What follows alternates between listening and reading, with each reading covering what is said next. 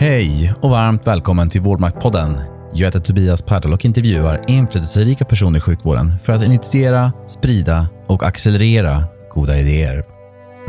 I förra samtalet med Ida Collin, förbundsordförande för Sveriges arbetsterapeuter, talade vi om arbetsterapeutiska perspektiv på utmaningarna i sjukvården, men också om regionala skillnader på access till arbetsterapi och om hur vi kan jobba bättre i team över professionsgränserna. Tack för alla fina ord om samtalet. I avsnitt 24 samtalar jag med Anders Lönnberg, en av hälso och sjukvårdens mest inflytelserika personer som ofta toppar maktlistorna. Han är civilekonom och socialdemokratisk sjukvårdspolitiker som axlat många roller, både i den offentliga och privata sektorn. Bland annat som departementsråd på Socialdepartementet, ordförande för Storstockholms diabetesförening, vice VD för Domartis och förbundsdirektör på Saco. Idag är Anders Lönnberg socialdemokratisk riksdagsledamot och ordförande för regeringens Life Science-råd.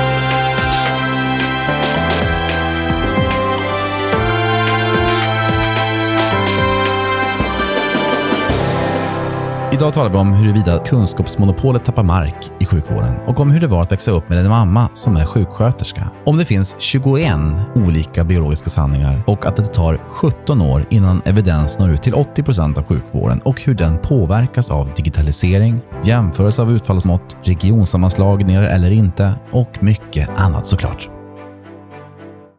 Varmt välkommen till Vårdmaktpodden, Anders Tackar. Lönnberg. Tack för det. Hur står det till idag? Jo, ganska bra. Lite jetlaggad bara. Jag kom från Thailand igår.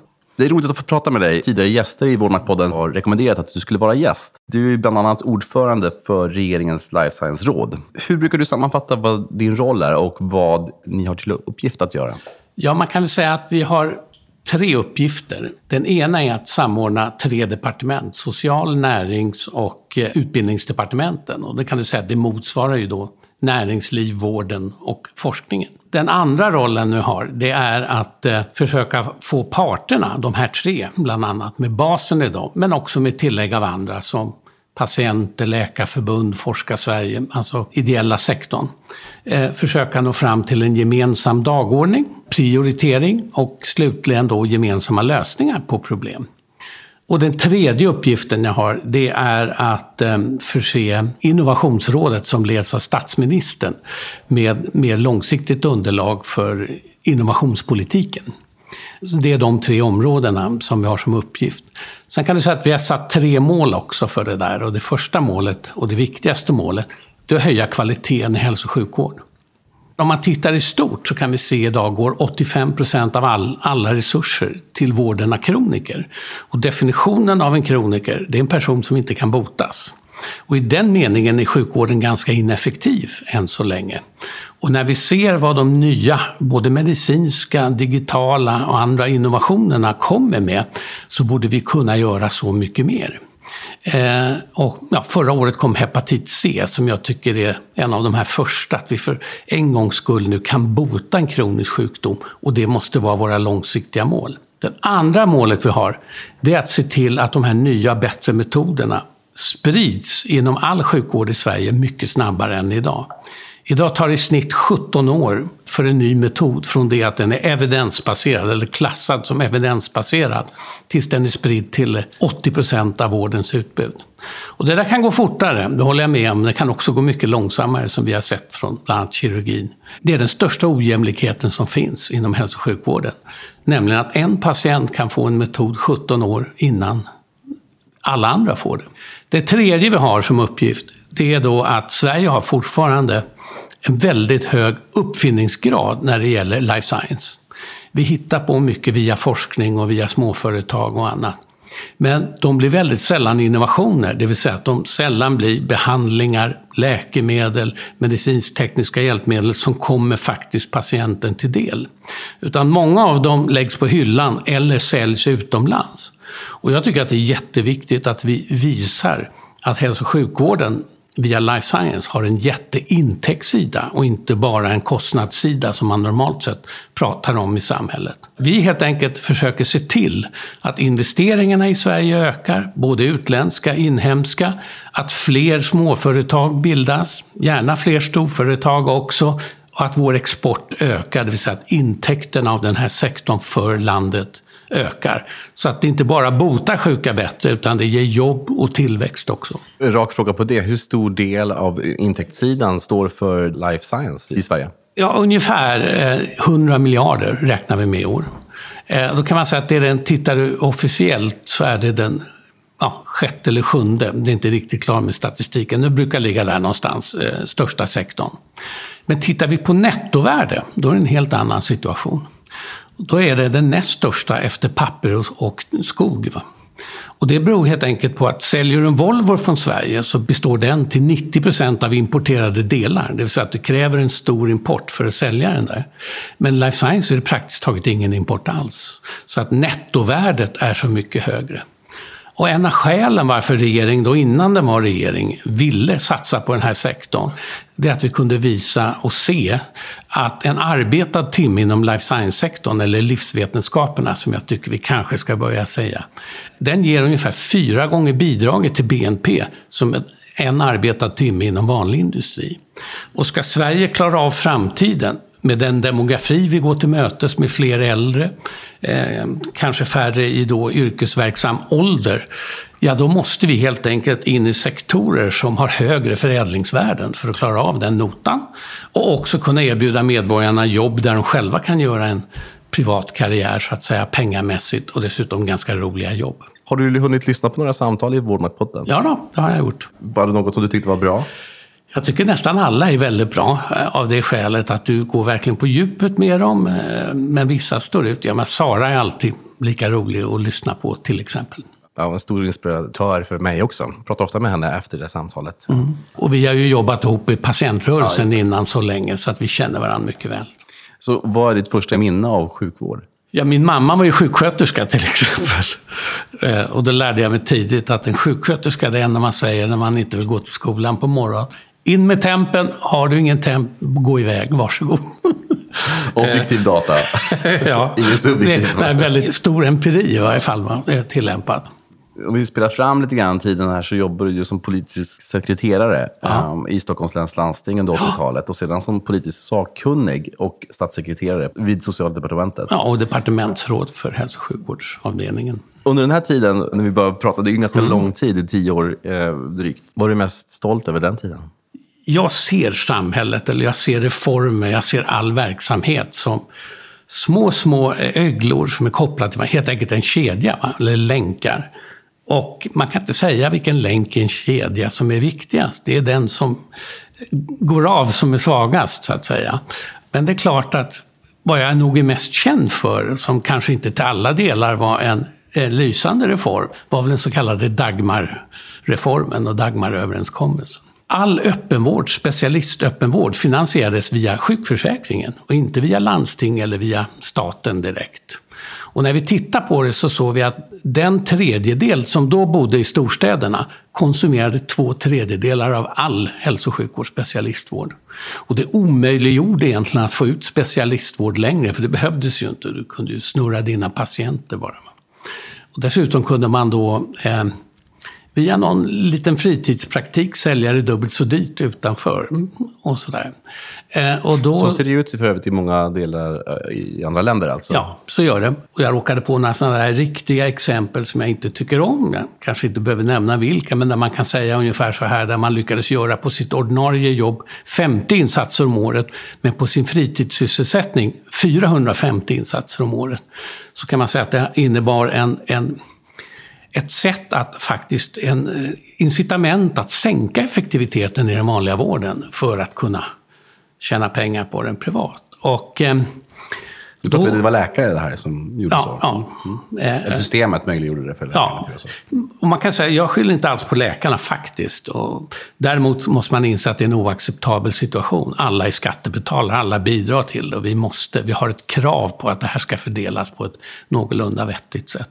Då avskaffar vi ersättningen från ehm, eh, sjukförsäkringssystemet. Och istället att det gick över till ett statligt bidrag till landstingen och sen betalade landstingen för vården. Och det betyder att pengarna omfördelades till de landsting som hade lite, för lite. Du är ju även själv patient. Ja, Och- i högsta grad och- numera. och patientaktivist Ja. därtill. Du var bland annat ordförande för Diabetesföreningen här i Stockholm. Och vi talade om det tidigare, men vill du dela med dig ett exempel på hur du ser att kunskapsmonopolet i sjukvården håller på att tappa mark? Till exempel när du som patient inte fick ut diabetesmedicin som Ja. var på gång. Det ska jag hemskt gärna göra. Om man ska sätta in ett exempel för att förstå ett sammanhang så är det så att man, jag brukar säga att hälso och sjukvården nu befinner sig i en situation där skolan befann sig för 50 år sedan och kyrkan för 100 år sedan. Nämligen att när ett kunskapsmonopol faller och görs tillgängligt för andra, då faller möjligheten att styra auktoritativt. Då måste man börja vädja till förnuft, till övertygelse, till empati och väldigt mycket annat att få med sig människor. Och när det då med hjälp av, av egentligen nätet kom, så att när jag blev sjuk i det, då började jag naturligtvis läsa på. Eh, för jag är en sån person. Och så gick jag ju då till min primärvårdsläkare. Hon har 4 000 diagnoser att hålla reda på. Va? Och vad som händer i det senaste, så, så gick inte det. Men jag gick och sa att jag, det har kommit ett nytt läkemedel. Eh, som hette Bayetta var det första som kom på det här området. Och då hade jag använt insulin då i fem år. Och eh, gick upp 20 kilo och sådär. Och hungrig dygnet runt och hade blodsockerfall och tyckte att det här var inte bra helt enkelt. Så jag gick i pension rätt tidigt. Eh, av det skälet. Och sen kom de här nya läkemedlen. Och svängde om mitt liv då. Eh, den här Bayettan då som jag använde först då. Plötsligt kunde jag sluta med insulin. Sen kom Victoza som var ännu bättre och som reglerade både toppar och bottnar. Och plötsligt gick jag ner 20 kilo på ungefär två år. Och eh, när första gången när jag bad henne skriva ut det så sa hon att eh, nej men jag får inte skriva ut det där. Då säger jag varför det?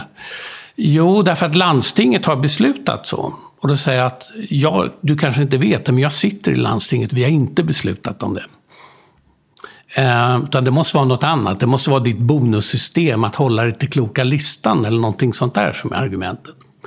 Nåväl, så att hon hade skrivit ut det och fick skäll av sin chef. Och då bad chefen ringa upp mig och eh, då säger chefen då att ja, men vi, får, vi får inte skriva ut det här förrän det är evidensbaserat. Så att säga. Men Därför, vi vet inte kliniskt hur det fungerar i praktisk verksamhet.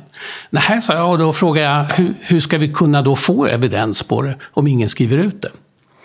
Och då svarar han mig att det är inte min sak. Och då säger jag att jo, det är din sak. Därför den viktigaste uppgiften du har, det är inte att följa evidens, det är att skapa evidens. Då kom vi överens om i alla fall att jag gick till en diabetolog då istället för det.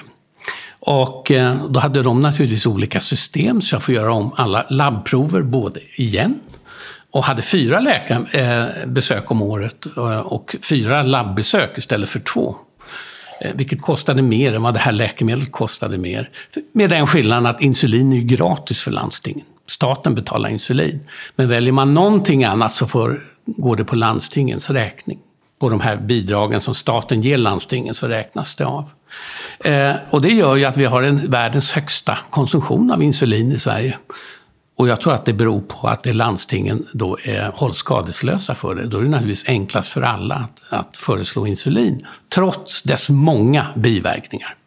Och faktum är att man kan till och med hävda att insulin på sikt blir farligare för diabetes eftersom det går upp i vikt, vilket förvärrar diabetesen. Och när jag sen var ordförande och gick ut, eh, det är också en intressant jämförelse, jag har ju pratat med Allmänläkarföreningen i Stockholm och diabetessköterskorna. Eh, och så fråga, ställde vi oss frågan, varför är den dyrast i Sverige, eller den dyrast faktiskt i hela världen vad vi har sett? Och vi hade gjort en jämförelse med Finland där det kostar ungefär 20 5 mindre men hade mycket bättre resultat. Varför? Då sa vi att vi ställer oss frågorna, eh, frågorna jag frågar mina patienter eh, och ni tar reda på era svar, vad ni tycker är viktigt här för eh, att förbättra diabetesvården. Och så möttes vi och då så sa de att vi har kommit fram till att det behövs fler dietister, fler diabetessköterskor och fler allmänläkare. Och när jag frågade mina medlemmar så svarade de 80 vill inte ha en dietist, Eh, 60 procent ville inte ha en diabetessköterska. Och eh, nära hälften ville inte ha en allmänläkare. Och skälet säger de är att de är för okunniga på området. Nu kan man säga att det blir ett litet snett urval på det sättet att det är de mest aktiva som svarar. Men Detta bekymmer har alla undersökningar. Och när vi konstaterade varför får vi så olika svar? Ja, då började de med att fråga mig, vad, vad, vill de ha då? Och då visade det sig att patienterna helst av allt skulle vilja ha en mentor. Det vill säga en person ungefär i samma situation som du själv, men som har haft sjukdomen fem år längre än du. Speciellt nydebuterade vill hellre ha en patient som är kunnig i det. Därför att det medicinska är en del, det är väldigt många andra delar i dagligt liv va, som också är viktiga. Eh, och när jag frågade, vilka har ni frågat egentligen? Jo, de har frågat allmänläkare, dietister och diabetessköterskor. Och då sa jag, men hur kan ni veta vad patienterna behöver då? Varför? Ni måste väl fråga patienterna? Och då fick jag till svar att nej, men de är inga experter på det här området. Och eh, då kan man aldrig få en andra svar, eller hur? Du kommer alltid ständigt ha ett ökat behov av personal likadan som mig. Och det är inte möjligt att lösa problemet på det sättet. Men eh, um, blir det inte konsekvenser av att eh, läkarna inte följer kloka listan då?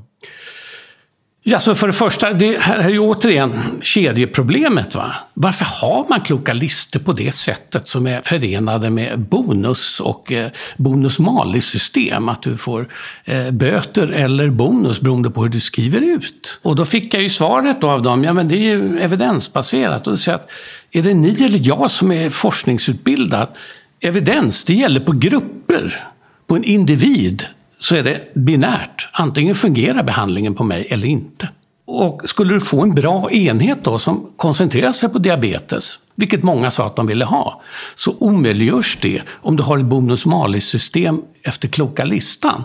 För skulle du då dra till dig många diabetespatienter så skulle du få en mycket stor avvikelse mot kloka listan. Va? Sen kan man också säga då att du, du har ett inbyggt system här att äldre läkemedel alltid har ett försteg. Därför att sjukvården är, är koncentrerad på att använda evidens och inte vilken evidens som helst utan den billigaste evidens. Och det gör att allt nytt har svårt.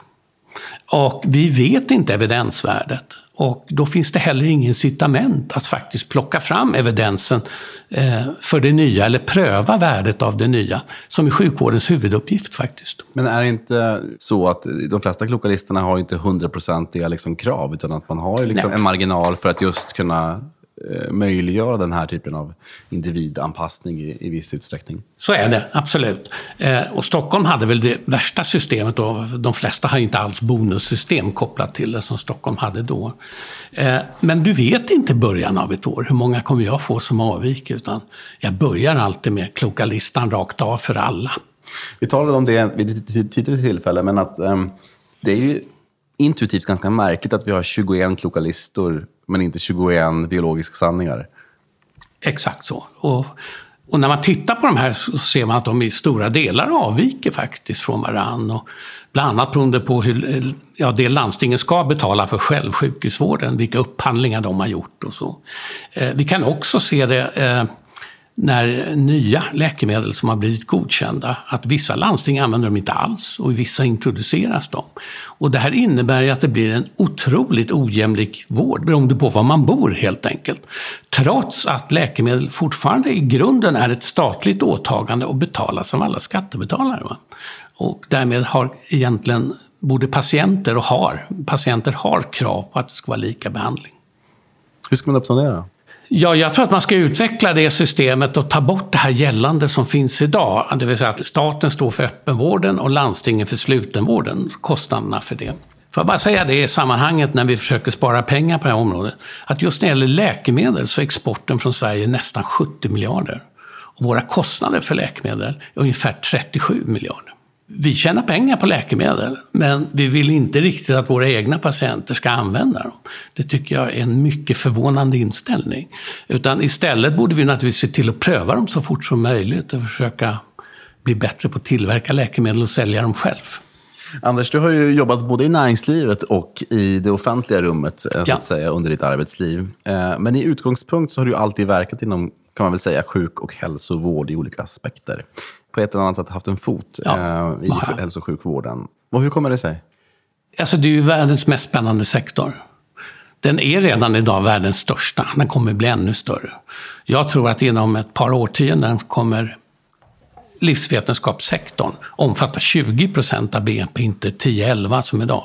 Kanske 12 i år i Sverige. Och nu finns det så många otroligt lovande och intressanta nya teknologier va? med Eh, cellterapier, genomet är kartlagt, vi har en karta över människans proteiner, eh, vi har helt nya cancerbehandlingar.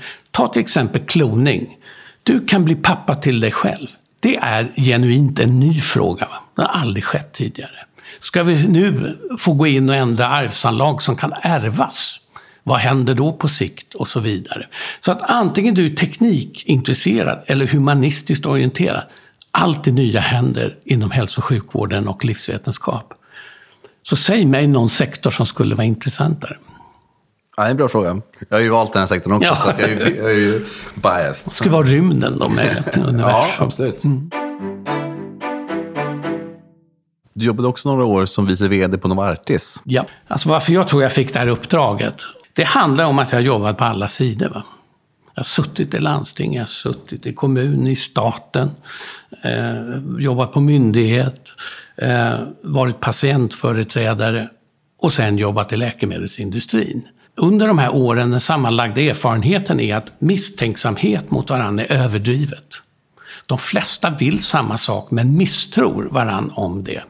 har du jobbat överallt så kan du lättare bygga bryggor. Det handlar om att tala om för alla att ni vill mycket mer lika än vad ni tror. Sen har ni lite olika mål som är era mål. Ett företag vill tjäna pengar, ett landsting vill sänka kostnader och så vidare. Men det handlar i grund och botten om att erfarenhet från alla sektorer gör att man vet vilka tuvor det finns att sätta ner fötterna på. Så kan man säga. Finns det något eh, i din karriär som du ser tillbaka på som du skulle ha ogjort? ja, någon sa någon klokt någon gång att ångra aldrig vad du har gjort. Du kommer lära dig oerhört mycket mer på det som, du inte, som gick, inte gick bra eller där du inte riktigt trivdes. Däremot, det enda man kan sannoliken ångra, det är det man valde bort att inte göra. Trots att man hade möjlighet. Du har ju haft en gedigen eh, politisk förankring också i Socialdemokraterna. Fortfarande aktiv, inte minst. Hälso och sjukvård är ju väldigt politiskt. Vad är dina tankar om den politiska styrningen av sjuk och hälsovården idag? Får jag börja igen uppifrån ja. och gå ner? Jag kommer ihåg att Moderaterna på 80-talet ville bara avskaffa landstingen och, och, och sen göra en obligatorisk sjukförsäkring som skötte allt. Det vill säga att inte regering och riksdag heller. Ehm, men har varit i väldigt många länder just specifikt på hälso och sjukvård. Och då inser man enda stället där inte hälso och sjukvård är alltid politiskt, oerhört högt upp på dagordningarna också politiskt, inte minst maktpolitiskt. Eh, det är de som saknar hälso och sjukvård överhuvudtaget, i princip. Många sa ett tag, men titta på USA. Va? Nej, det kan vi ju se nu. Det är i högsta grad är politikens kärna i USA, trots att mycket är privat.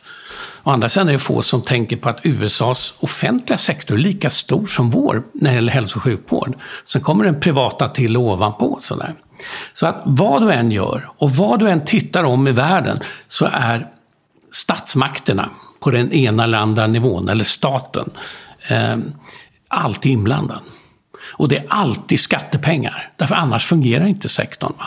Obligatoriska försäkringar gick inte ens i långa loppet i USA utan att några åtminstone blir utan hälso och sjukvård. Så vill man ha att hälso och sjukvård, och det kommer nästan alla politiska system fram till, det är en av de bastjänster som medborgarna behöver. Då måste staten vara med. Så det går inte att välja bort detta. Det är det första. Sen kan man säga, blir det mer eller mindre då? Ja, då kan man säga så här, du tog upp frågan förut, är det bra med 21 landsting? Och då säger jag nej, av två skäl. Det första skälet är att de flesta landsting idag har inte skattebas tillräckligt för att klara av utvecklingen framåt. De har till och med sjunkande befolkning en del. Och med de nya teknologierna som vi pratade om nyss som kommer här, som kommer att kosta initialt sett mycket pengar, men som kommer att spara mycket pengar åt oss på sikt också. Hepatit C bara, ja det är ju en puckel här med alla som har sjukdomar som måste klaras av. Men om vi lägger ihop deras återstående livstid, att de inte är sjuka, jämförelsevis med normalförloppet för en hepatit C, så kommer Sverige spara 30 miljarder bara på den enda uppfinningen. Det är på lång sikt. Men vi måste ha pengarna här och nu och kunna investera dem. Det klarar inte landsting av att göra idag. Det är det ena. Det andra är att eh, ska man få rätt drift av hälso och sjukvård. Vi kan ofta se att mindre landsting och mindre sjukhus är effektivare Därför att de har också mycket mindre komplicerad produktionssammansättning, om man säger så. Och den är inte uppblandad med lika mycket forskning. Det är inte lika många subspecialiteter som ska vara inne på knepiga fall och allt vad det nu är. Eh, och många tror att det är det som är hälso och sjukvård. Men ska du få en rätt på lång sikt Eh, och inte få en suboptimering så måste man ha allting från primärvård upp till universitetssjukvård. Och det är bara sex som har det. Och därför tyckte jag att regionaliseringsförslaget var väldigt bra. Därför det åtminstone löste eh, skattefinansieringsproblemet för de kommande 15-20 åren, inte för evigt. Eh, och det löste, eller innehöll basen för att kunna lösa också dimensioneringsproblem, fördelningsproblem, rikssjukvård, ja, hur vi ska göra det här. Och jag tror inte det här håller, det nu att den har eh, så att säga havererat kommer annars innebära på sikt att staten kommer vara tvungen att ta över en större andel av finansieringen. Det kommer inte finnas någon möjlighet. Eh, och annat fall så ger den bara landstingen fel incitament, det vill säga att politikerna i huvudsak åker till Stockholm och begär mer pengar av staten. Göran Hägglund, senaste mm. eh, samtalet här, han är ju som sagt var för en förstatligande av de här mm. frågorna. Eh, och kan säga att det, att det måste göras. Frågan är när. Mm. Jag tycker inte ägandeformen är den viktigaste. Precis som jag har sagt när det gäller vinsterna. Va? Jag, jag tycker att både vänstern och högern är lite för upptagna av ägarformen och för lite intresserade av innehållet. Och det tycker jag även gäller här. Jag kan konstatera att England nu säger att för att få det här att fungera bättre så ska de gå från statlig vård till att skapa landsting. Eh, det är faktiskt på allvar på gång. Och jag kan konstatera att problemen ser likadana ut praktiskt taget vilket eh, systemlösning du har valt världen över. Eh, och då är det inte i första hand en ägarfråga som är, eh, står i fokus. Det är en förenklad bild. Däremot så ska vi ställa oss frågan, hur ska vi styra hälso och sjukvård? Hur ska vi finansiera den? Och vilket vad? Va? Finland går ju ändå rätt hyggligt. Där har man valt systemet att kommunerna finansierar primärvården. Också i Norge har man bytt till det. Va? Jag tror att man måste sätta sig runt bord och eh, eh, Börja med pengarna och säga att vi kan inte ha 21 landsting som ska finansiera det här. Det går inte. Sex, det är en kompromiss, men som går att leva med en lång tid. Då tycker jag det är en bra lösning. Sen när det gäller styrningen, eh, medicinska styrningen och, och, så, så tror jag att vi ska hämta öar. Det här är ju komplicerat, det är väldigt många del, delreformer som behöver göras. Men jag tror att vi behöver en statlig styrning av rikssjukvård uppifrån. Va? Men jag tror också att vi ska göra lite som England har gjort. Att ge all personal eh, som är legitimerad, att säga ska ni vara på ett specialistområde så måste ni genomgå någon form av test vart femte år, annars förlorar ni det ni har. Och för att få det upprätthållet så krävs det att ni har ett visst antal patientbesök som är tillräckligt för att upprätthålla kompetens. Just nu, för att ge det ett exempel, när vi tittar på utbildningar av, av ögonläkare i Sverige, så finns det ingen som har tillräckligt för att kunna utbilda nya ögonkirurger till exempel. Och detta är ju en skandal. Va? Och jag tycker gärna att Läkarförbundet, som är England, och Läkarförbund och Läkarsällskap tillsammans skulle ha den uppgiften. Men under överinseende av Socialstyrelsen då, att sköta eh, kompetensutvecklingen men också kompetenstesterna. Och att man effektiviserar sjukvården genom att sakta men säkert höja de här kraven på hur många patienter man måste ha för att, eh, eller ha behandlat för att upprätthålla sin, eh, sin specialistkompetens. Eh, det intressanta är att vi kan se det finns hur mycket forskning som helst som visar på att gör man mycket av ett slag så blir man inte utmattad i jobbet som är den vanliga diskussionen i svensk media. Utan man blir duktig på det man gör. Och när vi tittar då på utvecklingen i Sverige, när jag började jag kan inte siffran exakt, men det fanns ungefär 1980 8300 läkare i Sverige. Nu har Stockholms läns landsting, bara den, 9500 läkare. Och hela Sverige har 35 eller 36 000. Och jag ställer mig faktiskt rätt ofta frågan, vad gör de? De verkar jobba rätt mycket. Ja, de gör poddar och, och mycket annat. Men de träffar inte patienter i särskilt hög grad. Och då finns det vissa saker man kan titta på emellan. Om du tar Stockholm mellan 2015 och 2016. 2015 fanns det 9300 läkare. Och 16 då 9500 plus 200. Samtidigt har det alla prestationer av olika slag slutenvård, öppenvård, patientbesök, vad det vill, sjunkit med 3 procent. Det vill säga att vi är inne i något slags läge där mer resurser till sjukvården har ett negativt förädlingsvärde. Och där kommer väl då industrisidan med och säger att detta är inte hållbart och det är inte acceptabelt. Det är ett slöseri med skattepengar. Och jag kan också jämföra med att se hur många besök en svensk specialistläkare har jämfört med bara våra grannländer. Så ligger de ju på ja, mellan hälften och en tredjedel. Och det blir, skapar både dåliga läkare på sikt och en dyr apparat. Det finns några faktorer här som man bör äh, nämna i det här sammanhanget. Och det är ju att äh, vi lever både längre och vi äh, lever längre med våra sjukdomar. Och vi ja. gör mycket mer med patienter mm. sjuk, från sjukvårdens sida på ett sätt som man absolut inte gjorde bara för 15-20 år sedan. Jo, men det är ju lustigt då att det skulle bara ske i Sverige, som lyckades med konststycket att ha högst antal läkare tillsammans med Österrike eller någon till i världen. Men samtidigt har minst patientbesök i hela OECD-världen. Det är någonting som inte stämmer där. Man. Det kan inte bero på att vi jobbar på så ett annorlunda effektivt sätt. Speciellt inte som folk, patienter och andra tycker att tillgängligheten inte är bra. Va? Så här är det helt solklart för mig att det är någonting, ett managementproblem här i svensk hälso och sjukvård. Och som ingen törs sätta fingret på. Men som jag kan se i mängder av sammanhang. Det vill säga att fortfarande kan du höra i landstingsdebatter, nya dyrare läkemedel. När jag började var det 15 procent av budgeten för sjukvården gick till läkemedel. I år är det 8,9 procent. Mm. De har nästan halverats. Nej, men exakt. Och jag brukar ofta nämna det. Men, alltså vi måste... men personal, ja, det får exakt. kosta hur mycket som helst. Ja, det, det ligger någonstans i 55 procent av hela sjukvårdsbudgeten är ju faktiskt eh, löner. Mm.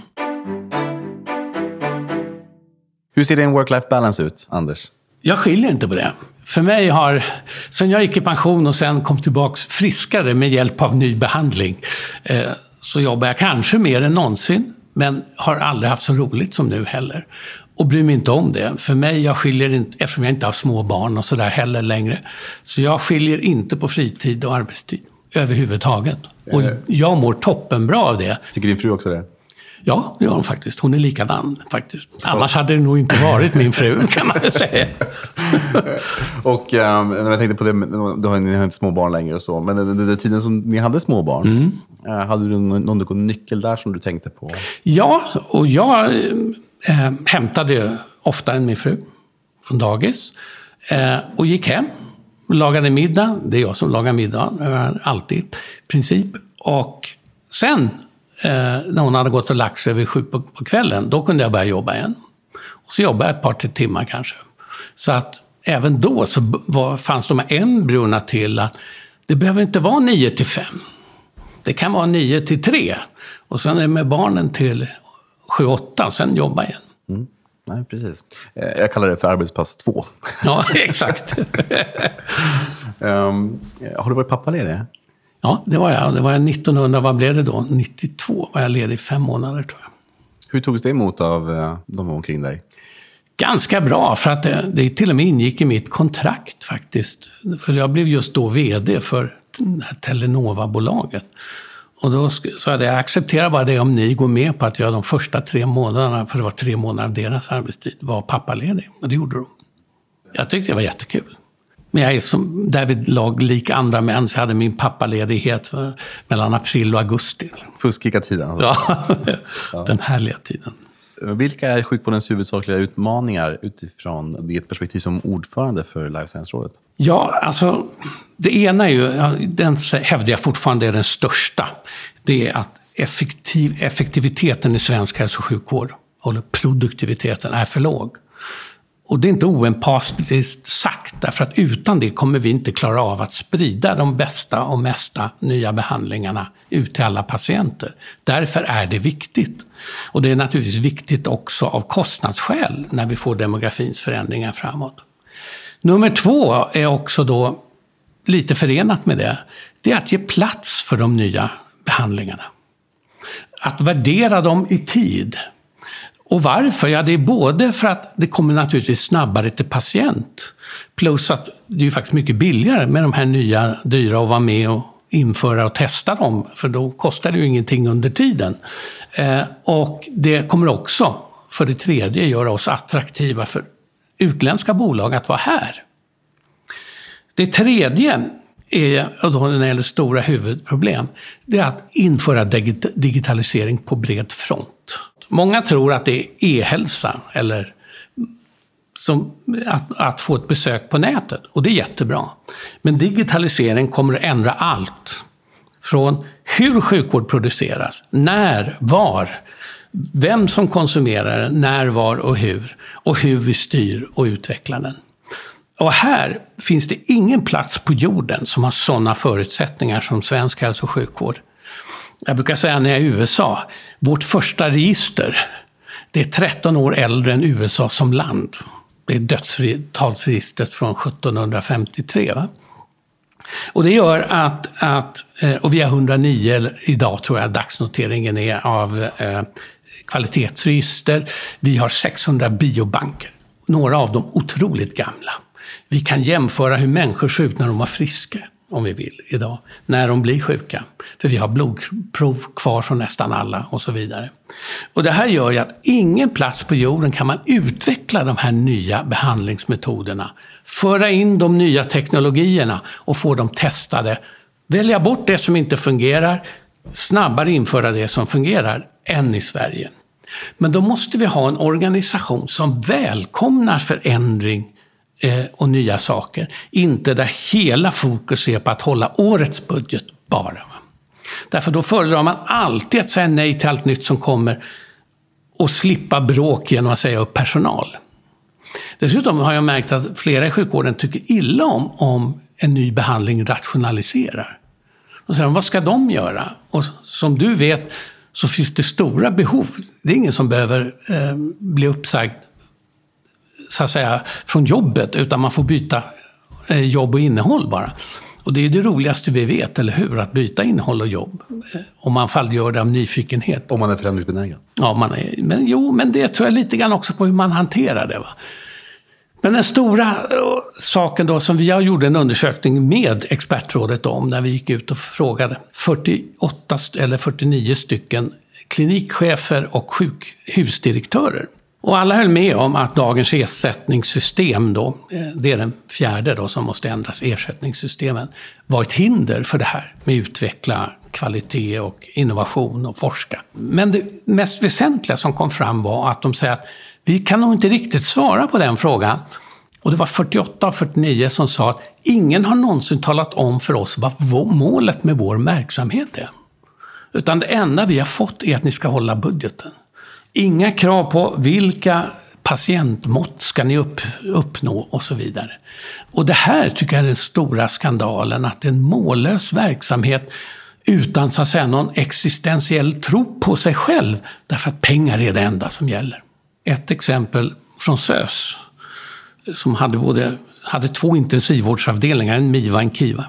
Så fick den en ny chef på MIVA, han satte igång, gjorde förändringar, det var lite slitigt i början. Men vid årets slut så han sparat 12 miljoner och verksamheten var mycket bättre. Gjorde fler insatser och med bättre kvalitet. Så tänkte han, nu får vi väl ändå klapp på huvudet om belöning. Och då, de fick ett tack. Och sen sa landstinget, men tyvärr har vi så stora behov så att de där pengarna behöver vi stoppa någon annanstans. Och vart gick de? Jo, tvärs över korridoren till Kiva, som gick med underskott. Det betyder att den personalen på MIVA aldrig mer igen återupprepade sitt jobb att försöka göra någonting bättre. Därför att de som fick belöningen var de som inte gjorde någonting. Eh, och, det är det här, att det finns en intern kultur som bygger på det här att vi har ingen mening med vår förening, så att säga. Va? Eh, utan vi ska bara liksom hålla vår budget och kom inte in och stör. Och underskott behöver inte vara fel om det kan leda till att vi får mer i budget. Och så. Nej, nej, den här kulturfrågan är också något som jag brukar komma tillbaka till. För jag tycker det är väldigt intressant att um, om vi tar anglo- anglosaxiska länder till exempel, där är det väldigt vanligt att man har regelbundet M&Ms, det vill säga Ja. Mortality and Morbidity Conferences, där man regelbundet får stå till svars för vad som har gått fel eller bra. Ja. Och så måste man vara påläst och man har en kultur där man återkopplar så här. Och det kan vara jättetufft ibland såklart och det kan vara väldigt bra i andra sammanhang. Ehm, vilket det bör vara såklart. Men vi har inte den kulturen i Sverige. Att vi, att vi har Nej. en sån här eh, ständig återkoppling. Ja, nej men vi i Sverige har haft någon tro på att vi ska ha ett system som är så gott att människorna inte behöver vara goda i det. Eh, och jag brukar säga att den ger två avvikelser alltid. Man tror att ansvarskänsla och incitament är någonting som juridiska organisationer kan ha. Men de svarar bara på människors känslor. Va? Så att incitament och ansvar måste vara tydligt för individen, vad som är ditt. Men när man lägger ansvar på team, det är samma sak som att säga att ingen har ansvar.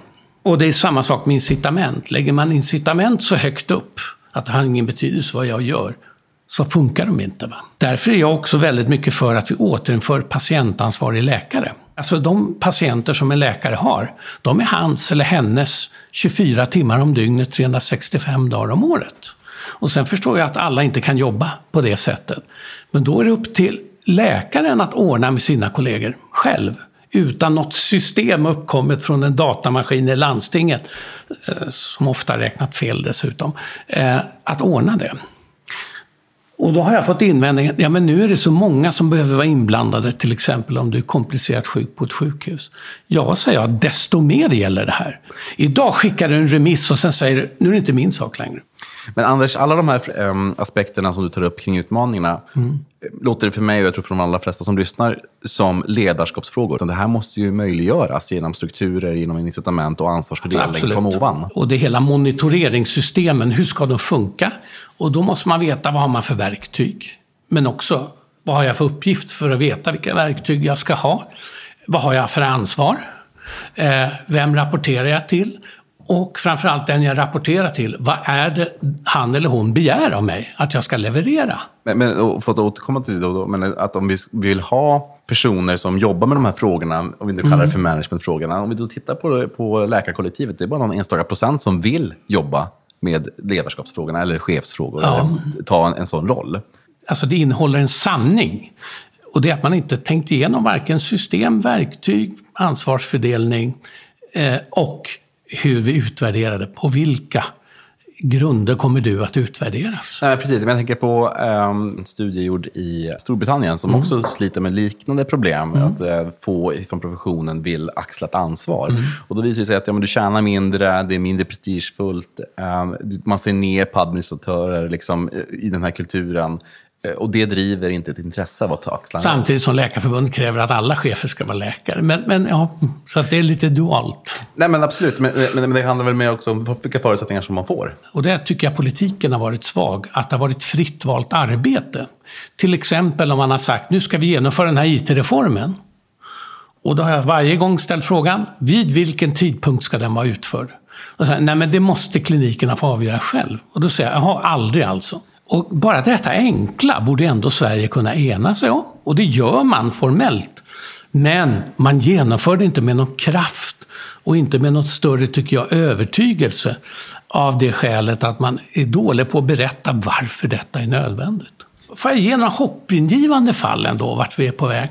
Sverige är trots allt det första landet i världen som tillämpar nu helsekvensering av genetik för nyfödda om vi tror att de har ärftliga sjukdomar. Och vi har börjat med metabola skador då, men det är ändå 40 procent av alla ärftliga sjukdomar vi vet. Inom en vecka, om du är född i Pajala eller, eller i Smygehuk, så har du tillgång till detta. Och det är ingen annan som har lyckats kunna genomföra det. Och det är intressant på flera vägar. Varför? Ja, dels har de här människorna som har sysslat med det brunnit för det. Plus att utan att förstå komplexiteten så redan förra regeringen och den här regeringen har investerat pengar i SciLife Lab och forskning.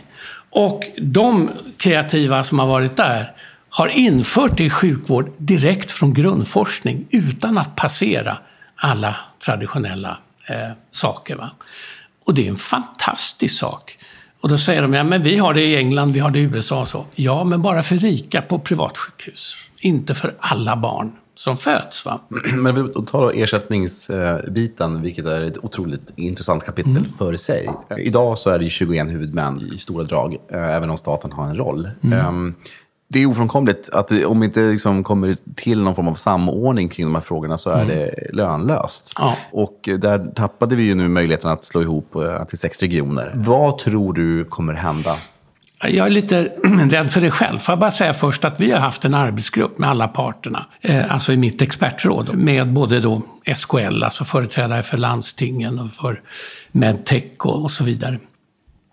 Och vi la fram ett förslag med 18 internationella standarder. Att när ni nu ska upphandla journalsystem, så kräv de här standarderna. Därför då går det tekniskt att bygga ihop dem. Och det är kanske är bra inte att alla har ett enda system för att då skulle vi vid nästa upphandling inte ha en chans va, mot någon som begärde oerhört mycket betalt. Och så sa vi, så måste ni kräva öppna API, det vill säga att det ska kunna kopplas ihop med andra system på ett öppet sätt. Och då är jag lite orolig där. Därför att när jag har tittat på vissa och bara ställt frågor än så länge så har jag sagt men är det inte kanske nya Upphandlingsmyndigheten, det är kanske bra att blanda in den. Därför den kan ju i sin tur överföra till andra landsting och sådär. Och då sa jag, nej men vi har redan ställt frågan om öppna API och de har svarat ja. Ja men det duger inte. Jag, menar, jag kan ju fråga vad som helst och man svarar ja. Va? När det inte är så. Och man kan ju ta ett exempel från Köpenhamn som köpte ett system för 2,7 eller 2,8 miljarder danska kronor. Ja, jag vill inte säga vilket system. Idag har de betalt 12,8.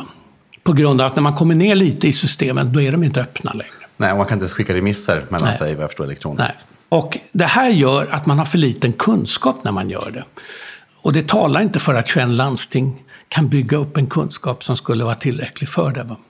Får jag ge dig ett konkret exempel också från Stockholm om det. För sju år sedan kom ett företag och sa att vi har en nyuppfunnen liten spirometer som är elektronisk och en oxytometer som mäter då lungkapacitet för lyssnarna och syrehalten i blodet. Man bara blåser den där en gång om dagen sätter, och sätter den på fingret, sätter det tillbaks och sen går alla värden in till en central. Och det här skulle man då ha för KOL-patienter. Man har prövat den i England och ville ha i Stockholm och göra ett, ett, test. Man skulle betala för 50 utrustningar och den här sköterskan som skulle sitta centralt. Blåser man inte så ringer hon. Så du kan inte vara borta en hel dag ens, utan då blir du uppringd. Och de här, det var ofta äldre män som var rökare och sådär i England. Va? De ville inte ha de här samtalen så de började blåsa mest för att slippa bli uppringda. Va? Men då började de tro att man kan se också om de hade tagit sin medicin. Så de införde rutinen att först tog de sin medicin, sen blåste de dem. Och det gick plötsligt compliance eh, upp från 30 till 90 procent. Och bara det gjorde ju då att det blev färre eh, exacerbationer som kom in, eller anfall som kom in på sjukhus. Och eh, dessutom kan man ju faktiskt se dem då ett par dagar innan och ändra behandlingen snabbt för att förhindra det. Alla sa ja i Stockholm, även från medicinskt håll. Och när vi skulle välja ut en klinik som skulle ha det så sa alla nej. Och varför? Ja, det första skälet var att nej, men vi får ju ersättning per besök. Det här kommer ju innebära att folk kommer inte komma till oss. Vi kommer att gå i konkurs. Och då sa vi, men självklart genomför vi att ni får en annan ersättning för det. Ni får full komp för detta. Och lite till. Och så sa, men då ska vi ha två prissystem, det är för komplicerat. Och, försökte jag påpeka att det finns folk utan ens gymnasieutbildning på ICA som jobbar som har tusen priser att hålla reda på och det går bra. Så att det borde kunna gå att lösa. Eh, och då kom väl de riktiga skälen fram. Då säger de att skulle det här hålla, vilket vi tror faktiskt att det har medicinska möjligheter att göra. Säg att ja, du jobbade 140 dagar, vi kunde då kanske sänka det till 80 eller 100. Och då har jag tre års helvete framför mig med fackförhandlingar, med tidningar som skriver att man skär ner på vården och så vidare. Va? Och det vill jag inte utsätta mig för. På vilken nivå var det man förde fram det här? Kliniklednings, eller biträdande klinikledningschef. Och tredje argumentet var att vår prestige och ibland chefernas löner avgörs av hur många anställda vi har. Det är direkt fel incitament för rationalisering, va? eller hur? Så utifrån vad vi nu har pratat om, de utmaningar som du ser framför ja. oss eh, i sjukvården. Vilka lösningar ser du som viktigast att peka på? Ja, eh, vi har ju varit inne lite grann på dem. Va? Men eh, en ändring av ersättningssystemen. Vi genomför nu ett försök tillsammans med Västerbotten. Där de har valt ut en, en klinik på sjukhuset. Faktiskt intensiven där. Va? Och, nej, medicin eh, är det. Tre vårdcentraler. En i glesbygd, en i mellanbygd och en inne i Umeå. Och en tandläkare, folktandvårdsmottagning. Där man har gått igenom allting i kostnader. Så man vet precis var kostnader uppstår och sånt. Och varför är syftet med det? Jo, till exempel, en av deras högsta kostnader, det är inte så konstigt där. Om någon ska åka från västra Västerbotten till Umeå för en behandling så kostar det oerhört mycket pengar. Det är en taxiresa för många tusen. Det är en övernattning på hotell. Det är en behandling och så taxi tillbaka. Va? Och då så säger man att ja, vi har tänkt att primärvården kanske skulle kunna klara av att göra det här delvis. Eller att man kan göra en koll i varje fall den vägen. Börja med det, slippa taxiresorna. Eh, men det finns inga incitament för, för primärvården att göra det egentligen. Va? Och därför att alla taxi sjukresor går på ett annat konto som inte finns med här. Och när man har tittat igenom det här så tänker man då införa ett system, ersättningssystem, där man säger att om ni fixar den här, då får ni en del pengar från de besparade sjukresorna. Att lära sig att förstå hur kostnader och intäkter i sin egen verksamhet fungerar och sätta ihop det på ett humanistiskt, humanitärt och rationellt sätt. Eh, och det är ingen annan som har prövat den typen. Jag tror väldigt mycket på det. Den andra är när det gäller digitalisering, så, det har vi pratat en del om. Det är att få eh, kliniska beslutsstödsystem. Jag har sett några in action och jag är lite imponerad. Och varför? Jo, med 12 eller eh, 14 000 sjukdomar, jag tror vi är uppe i nu, diagnostiskt, så kan vi skicka dig och alla andra läkare på 100 av arbetstiden på fortbildning. Ni kommer ändå inte kunna hänga med i allt som är väsentligt. Eh, och idag är det 1800 vetenskapliga rapporter per dygn som kommer. Eh, även inom ditt område så är det säkert tusentals sidor varje dag, det finns inte en chans.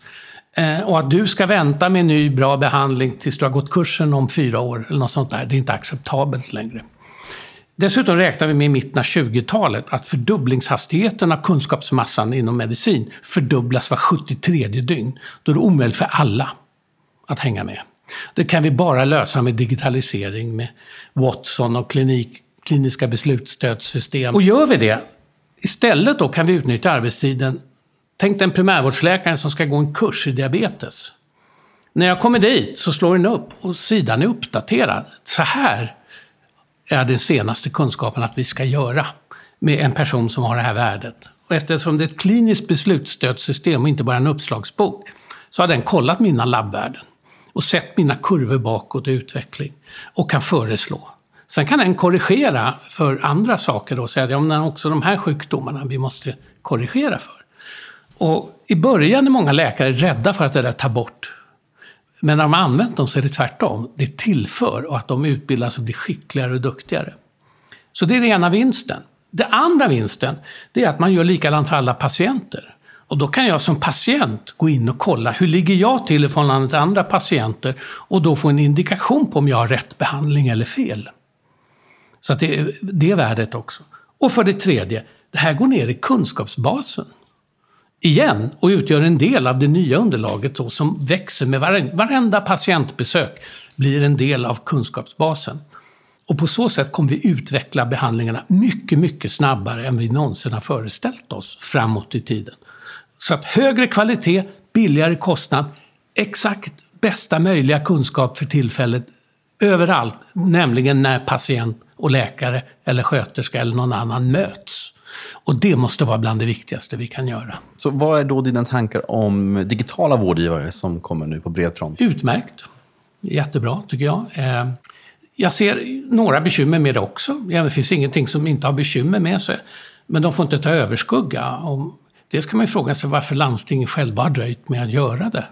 Det är det ena. Å andra sidan kan man säga att ni har gjort en insats på det sättet att nu kan de lära sig och veta att det här fungerar. Även om Ontario har väl 60-80 procent av alla primärvårdsbesök via nätet. Va? Av geografiska skäl och det är konstigt att vi inte kunnat lära av dem tidigare. Ja, eller Glesbygdsmedicinskt centrum uppe i Storuman. Exakt, precis. Va? Och de är ju nu inblandade i, i detta. Ja, det är bra. Jag... Peter Berggren är grym. Ja, så ja. jag hoppas ni använder honom mycket i detta. Jag kan också säga några nackdelar för att visa att det, är inte bara så enkelt som att säga att man ska säga ja till allt. Det fanns väl en del problem med ersättningssystemen, speciellt då om man gick på såna här gamla försäkringsavtal och sånt. Att vissa då primärvårdsbesök blev mycket mer uppvärderade än andra i pengar. Det tror jag man har löst nu. Ehm, så att i grunden helt optimistisk. Och man behöver inte vara mot eh, digitalisering eller så bara för det. Va? Utan man ska säga att vi ska lära oss använda det på ett vettigt sätt. Vi går in på lite avrundningsfrågor. Mm. Vad vet du om sjukvården som du tycker att andra borde känna till? Största orättvisan i hälso och sjukvården. På mina områden så har jag en möjlighet att ta reda på vilka som är bäst på varje område. Och vars omdöme man ska lita på. Och är det så att kunskapsläget är dåligt, jag åkte ju på en prostatacancer för, en, vad är det nu, 13 år sedan. Och då tog jag så småningom kontakt med Sveriges nio största experter, varav tre sa operera, Tre sa stråla och tre sa välj själv. Och det är ju helt förborgat för de flesta människor. Och det är också en sak som digitaliseringen och patientorganisationer kan hjälpa till med genom att utvärdera vården åt eh, medborgare och andra patienter, till exempel. För folk tror att sjukvården är lika bra. Därför får man sådana här Sollefteå-protester och sånt där man tror att koncentration är bara något politikerna hittar på för att spara pengar. Inte för att det är nödvändigt för att höja vårdkvaliteten och öka barns överlevnad på sikt. Vilket det är. Men jag tror att man ska höra av sig till patientorganisationerna och gärna gå med där för att stödja dem att kunna eh, sen ta upp och bedöma. Hjärt-lung är väl fantastiska med sina stjärnsystembedömningar av alla kliniker i Sverige. Diabetes så går det via diabetesregistret att ta reda på vilka vårdcentraler som har bättre eller sämre resultat. Det kan ju också bero på, på patientmix. På att följa kloka listan? Ja, eh, men där är ju resultaten på patient faktiskt. Man kan ju få vissa vårdkvaliteter mätt av det. Finns det någon in, eh, sjukvårdsinnovation som du hoppas ska vinna mycket mark?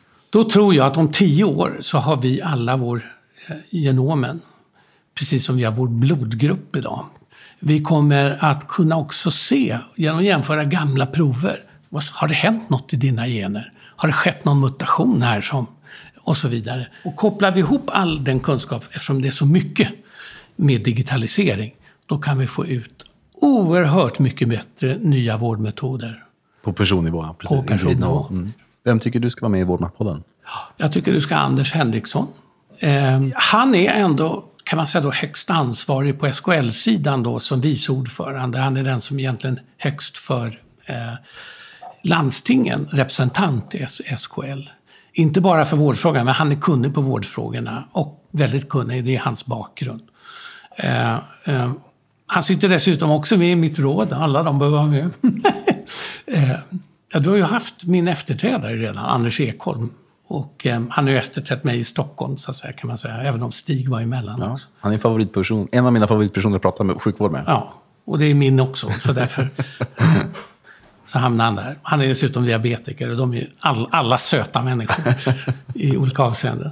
Hur kan man nå dig om man vill veta mer om dina tankar om sjukvård? Man når dig på mail. Ja, det kan man göra. Vilken mail.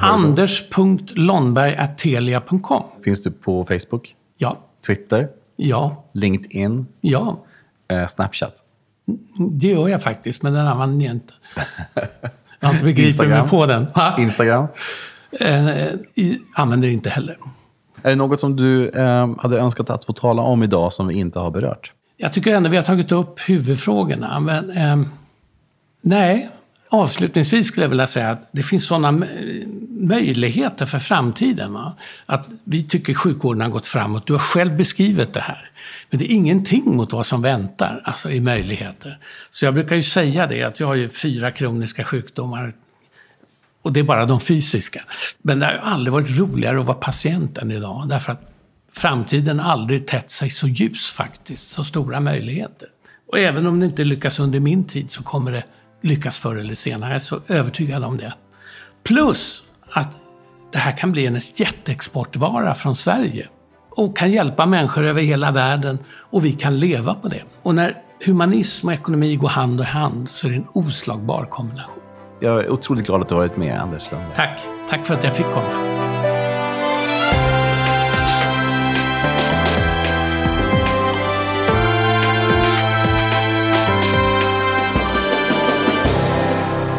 Ja, jag hoppas att ni liksom jag finner samtalet med Anders Lönnberg tankegivande. Så dela gärna med er om vad ni tycker och tänker på Dagens Medicin, på Vårdmaktpoddens Facebook-sida, Twitter eller LinkedIn.